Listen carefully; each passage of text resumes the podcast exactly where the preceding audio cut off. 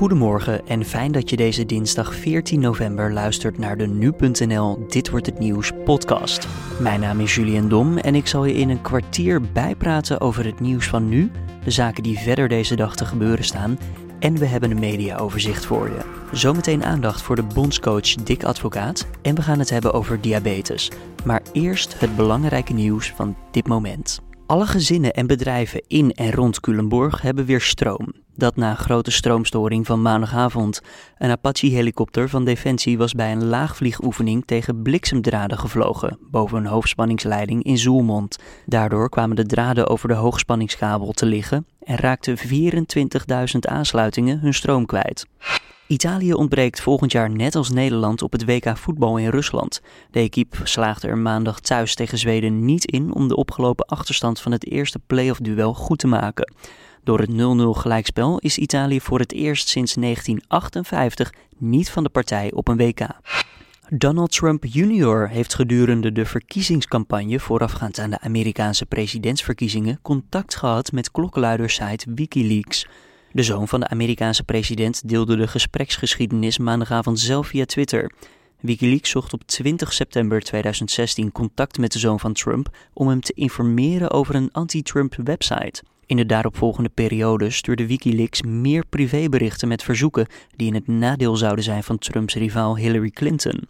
Behalve een paar korte antwoorden is het onduidelijk of Trump Jr. daadwerkelijk respons heeft gegeven. De Britse premier Theresa May heeft maandagavond Rusland beschuldigd van inmenging in de verkiezingen en het plaatsen van nepnieuws op het internet.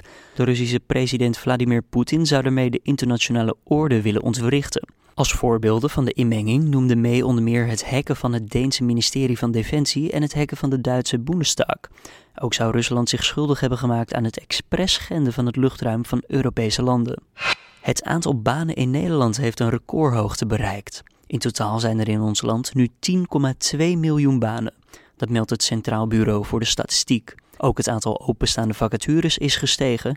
Dit zijn er nu ruim 200.000. De werkloosheid is voor de 14e maand achtereenvolgens gedaald naar 428.000 personen. Dan kijken we even naar de nieuwsagenda voor vandaag 14 november.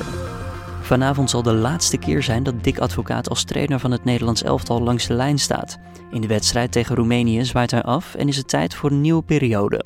Nu sportredacteur Riepke Bakker ging in gesprek met collega Carne van der Brink, want geen kwalificatie voor het WK, maar wel een succesvolle periode voor Dick Advocaat. Hoe zit dat? Nou ja, eh, als advocaat eh, vanavond wint met het Nederlands elftal van Roemenië, dan kan hij keurig zeggen: onder mijn leiding hebben we gewoon zes van de zeven interlands uh, gewonnen. Dus ik heb het goed gedaan. Uh, dus ja, aan mij ligt het niet dat we naar het WK gaan. Dus van, voor hem is het nog wel van belang uh, dat we winnen vanavond. Ja, want hij heeft ook een recordje te pakken, toch? Hij staat op nummer 1 met de...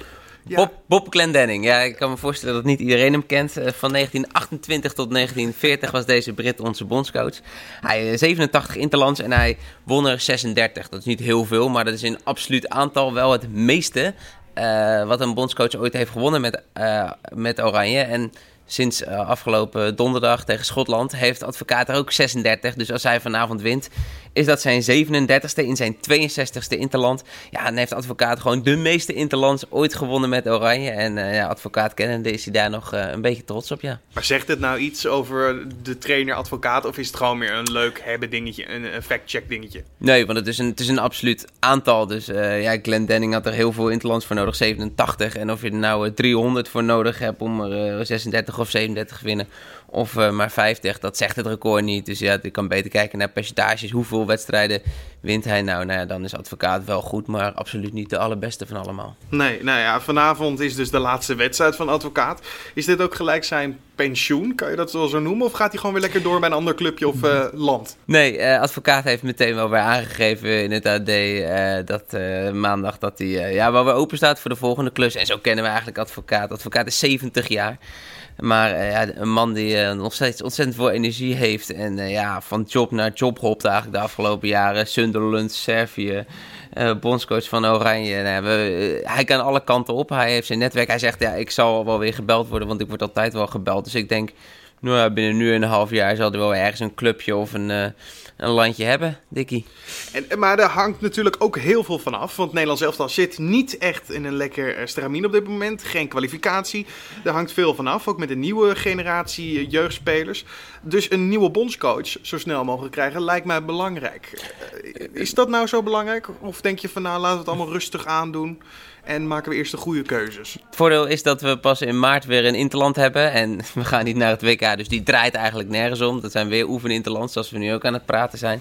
Dus Gudde zei ook, de algemeen directeur die, eh, die vorige week begon. Hij zegt, ja, ik heb liever dat ik in januari een hele goede bondscoach heb... dan ik uh, in alle haast in december uh, hals over kop al iemand uh, benoem. Dus ja, ze hebben de tijd. Ze hebben drie, vier maanden om iemand te benoemen tot de volgende interland. Ja, dus zou ik ook wel die tijd nemen. Want ja, we hebben, wat hebben we gehad? We hebben Guus Hiddink gehad. We hebben Danny Blind gehad. Ja, het is toch wel belangrijk om een, om een ja. goede bondscoach te hebben. Want dan is de kans groot dat we weer een keer naar het toernooi gaan en mee gaan tellen. Er is al een een, een, compact lijstje van mogelijke liefhebbers voor de positie. Wie staan erop, denk jij? En wie zullen het misschien ook gaan worden? Nou ja, dit is eigenlijk, als je eh, Gudde zegt voor, de, voor bondscoachschap, kijk ik in het binnenland, in het buitenland, alle opties open. Moet hij natuurlijk ook wel zeggen, want als hij zegt ik wil per se in Nederland, dan krijgt hij heel Nederland over zich heen. We zitten weer in onze tunnelvisie. Dus alle opties open. Nou, kijk je in Nederland, dan is er maar één kandidaat. Dat is Ronald Koeman, hè, ontslagen bij Everton. Uh, hij zal niet zoveel kunnen verdienen als bij Everton, als nee. bij de KNVB. Maar wel iemand die altijd heeft aangegeven... ik wil wel heel graag bondscoach worden. Nou, hij is vrij. 1 1 is 2, zou je zeggen. Koeman, gedroomde kandidaat. Internationals zijn ook een aantal die hem heel graag zien komen. Daarna houdt het in Nederland een klein beetje op. Zeg ja, Frank de Boer. Maar Frank de Boer heeft natuurlijk wel een krasje opgelopen. Uh, bij Crystal Palace, bij Inter. Snel ontslagen, twee keer achter elkaar. Bij Ajax wel goed gedaan. Dus dat is ja, de nummer twee op de lijst. En ja, verder zie ik in Nederland na die twee opties. Ik denk ja, als ze voor Nederlandse opties gaan, dan zal het waarschijnlijk Koeman worden. Dat is de gedroomde kandidaat. En dan eventueel Frank de Boer als, als alternatief. Ja. Maar dat doen ze sowieso nog rustig aan mee. Jij verwacht ja. pas ergens volgend jaar maart of februari, ja. januari zo ergens pas een aankondiging. Ik denk ja, maar dat is een wilde schatting. Uh, januari, ook omdat er eerst nog een nieuwe technisch directeur moet komen binnen de KNVB. En ja, die gaat het is niet helemaal duidelijk hoe die functie eruit gaat zien. Dat weet de KNVB nu ook nog niet. Maar in principe stelt die de bondscoach aan. En die kan ook de bondscoach weer ontslaan als het allemaal helemaal verslikken gaat. Maar die gaat de langere termijn in de gaten houden. Dus die moet ook op zoek naar een nieuwe bondscoach. Dus voordat we op zoek gaan naar een nieuwe bondscoach, op zoek naar een nieuwe technisch directeur. Nou, is ook weer de vraag: wordt het een buitenlander? Wordt het een Nederlander? Nou, en is die vraag opgelost? Wordt het een buitenlandse bondscoach? Wordt het een Nederlandse bondscoach? Nou, kiezen we voor een Nederlandse bondscoach. Koeman de absolute favoriet. Je hoorde nu sportredacteur Riepke Bakker in gesprek met Carne van den Brink. Deze dinsdag staat de wereld stil bij de ziekte diabetes. In sommige landen beschrijven ze het zelfs als de stille dood. Dit omdat subtiele symptomen van de ziekte makkelijk zijn te verwarren met iets anders. En omdat je van de buitenkant niet kan zien hoe slecht of goed het met diegene gaat. We waren benieuwd naar het leven met diabetes en daarom belde Carne van den Brink met Loes Heijmansbeek. Zij kreeg op haar twintigste te horen dat ze diabetes type 1 heeft. Wat zijn de verschillen tussen het leven met diabetes en het leven zonder diabetes? vroeg Carné haar. Ja, nou, ik heb het, uh, het, aan de ene kant het geluk dat ik dat ook echt uit eigen ervaring kan vertellen. Want ik heb zelf diabetes type 1 sinds uh, mijn twintigste. Er zijn ook mensen die dat op hele jonge leeftijd al krijgen als kind. Dus dan, uh, dan kun je zelf het verschil niet echt, echt ervaren. Maar ja, voor mij um, was het echt het, uh, het onbezorgde leven was opeens voorbij uh, toen ik de diagnose kreeg. Um, met diabetes moet je gewoon altijd ja, vooruitdenken en plannen. Wat ga ik doen um, als je gaat eten? Wat ga ik eten? Hoeveel koolhydraten zitten daarin? Hoeveel insuline moet ik daar dan voor toedienen? Uh, het is, je bent constant bezig met, uh, met wat je eet en wat je doet en, en welke gevolgen dat voor je, voor je bloedglucosewaarde heeft. Ja, en je zei al, jij hebt dan type 1. Uh, eh, daar zit ook heel veel verschil tussen, toch? De types. Want ik weet dat je ook type 2 hebt. Jij hebt dan type ja. 1. Wat zijn de grote verschillen daarin dan? Um, nou, diabetes type 1, um, wat ik heb, dan werkt je alvleesklier dus niet meer. Die maakt dus geen insuline meer aan. En uh, dat uh, gaat ook nooit meer beter worden. Dus uh, dat heb je voor de rest van je leven. daardoor moet je iedere dag insuline toedienen om, um, ja, als het ware, de koolhydraten te verbranden, zeg maar, in je lijf. En diabetes type 2 ehm, wordt ook wel ouderdomssuiker genoemd. En, maar komt helaas ook steeds meer op jongere leeftijd bij mensen voor. Ook vaak bij mensen met overgewicht. Maar bij diabetes type 2 werkt, werkt de alvleesklier slechter. Dus die produceert nog wel insuline, maar niet meer op de manier waarop het zou moeten. En ehm, die mensen gebruiken ook soms insuline, maar ook vaker tabletten. En kunnen soms door middel van gezonde voeding bijvoorbeeld, of meer sport en bewegen, kunnen die hun alvleesklier weer activeren, zeg maar. Zodat die ehm, ja, wel weer gaat doen wat hij moet doen. En in sommige gevallen kunnen dus mensen met diabetes type 2 daarvan genezen. Ja, maar daar hoor je jammer genoeg niet bij inderdaad. Helaas, nee. Nee, nee. Hoe kan dat dat jij dan op je twintigste pas de diagnose zit? Waar zit dat hem in? Ja, daar is eigenlijk nog heel veel onduidelijk over. Um, er zit een bepaalde erfelijkheidsfactor in, maar ja, ik kwam in het ziekenhuis terecht en ze vroegen dan meteen, zit het in de familie? Nou, dat was bij ons niet het geval. Dus dan tasten ze eigenlijk een beetje in het duister waarom dat nou net op dat moment uh, bij jou openbaart, zeg maar.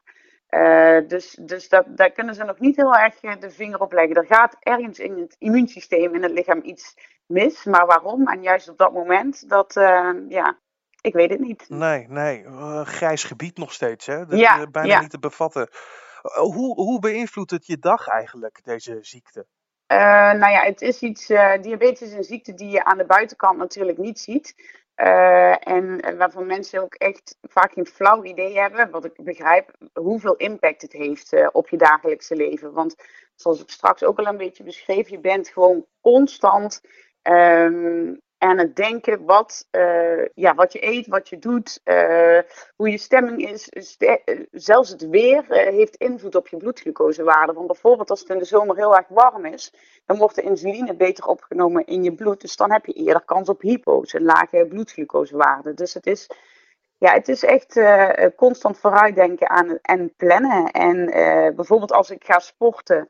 Uh, wat wel gewoon allemaal kan hè, met diabetes. Je moet alleen de nodige uh, maatregelen treffen. Als ik ga sporten, dan, uh, dan weet ik dat ik ongeveer twee uur voordat ik ga sporten, moet ik mijn insulinepomp, de basaalstand daarop lager zetten. Zodat ik die twee uur later minder um, actieve insuline in mijn bloed heb. En dus zonder al te grote kans op een hypo uh, kan gaan sporten. Ja, is misschien een beetje een technisch verhaal allemaal, maar het is, het is altijd rekenen, plannen en, en vooruitdenken, zeg maar. Daar, uh, daar komt het wel op neer. Ja, en ik hoor wel dat je, hoe je het nu al vertelt, je hebt er dus al tien, iets meer dan tien jaar mee te maken, mm -hmm. al wel gewoon een heel goed plekje hebt kunnen geven. Um, misschien de eerste jaren was het verschrikkelijk.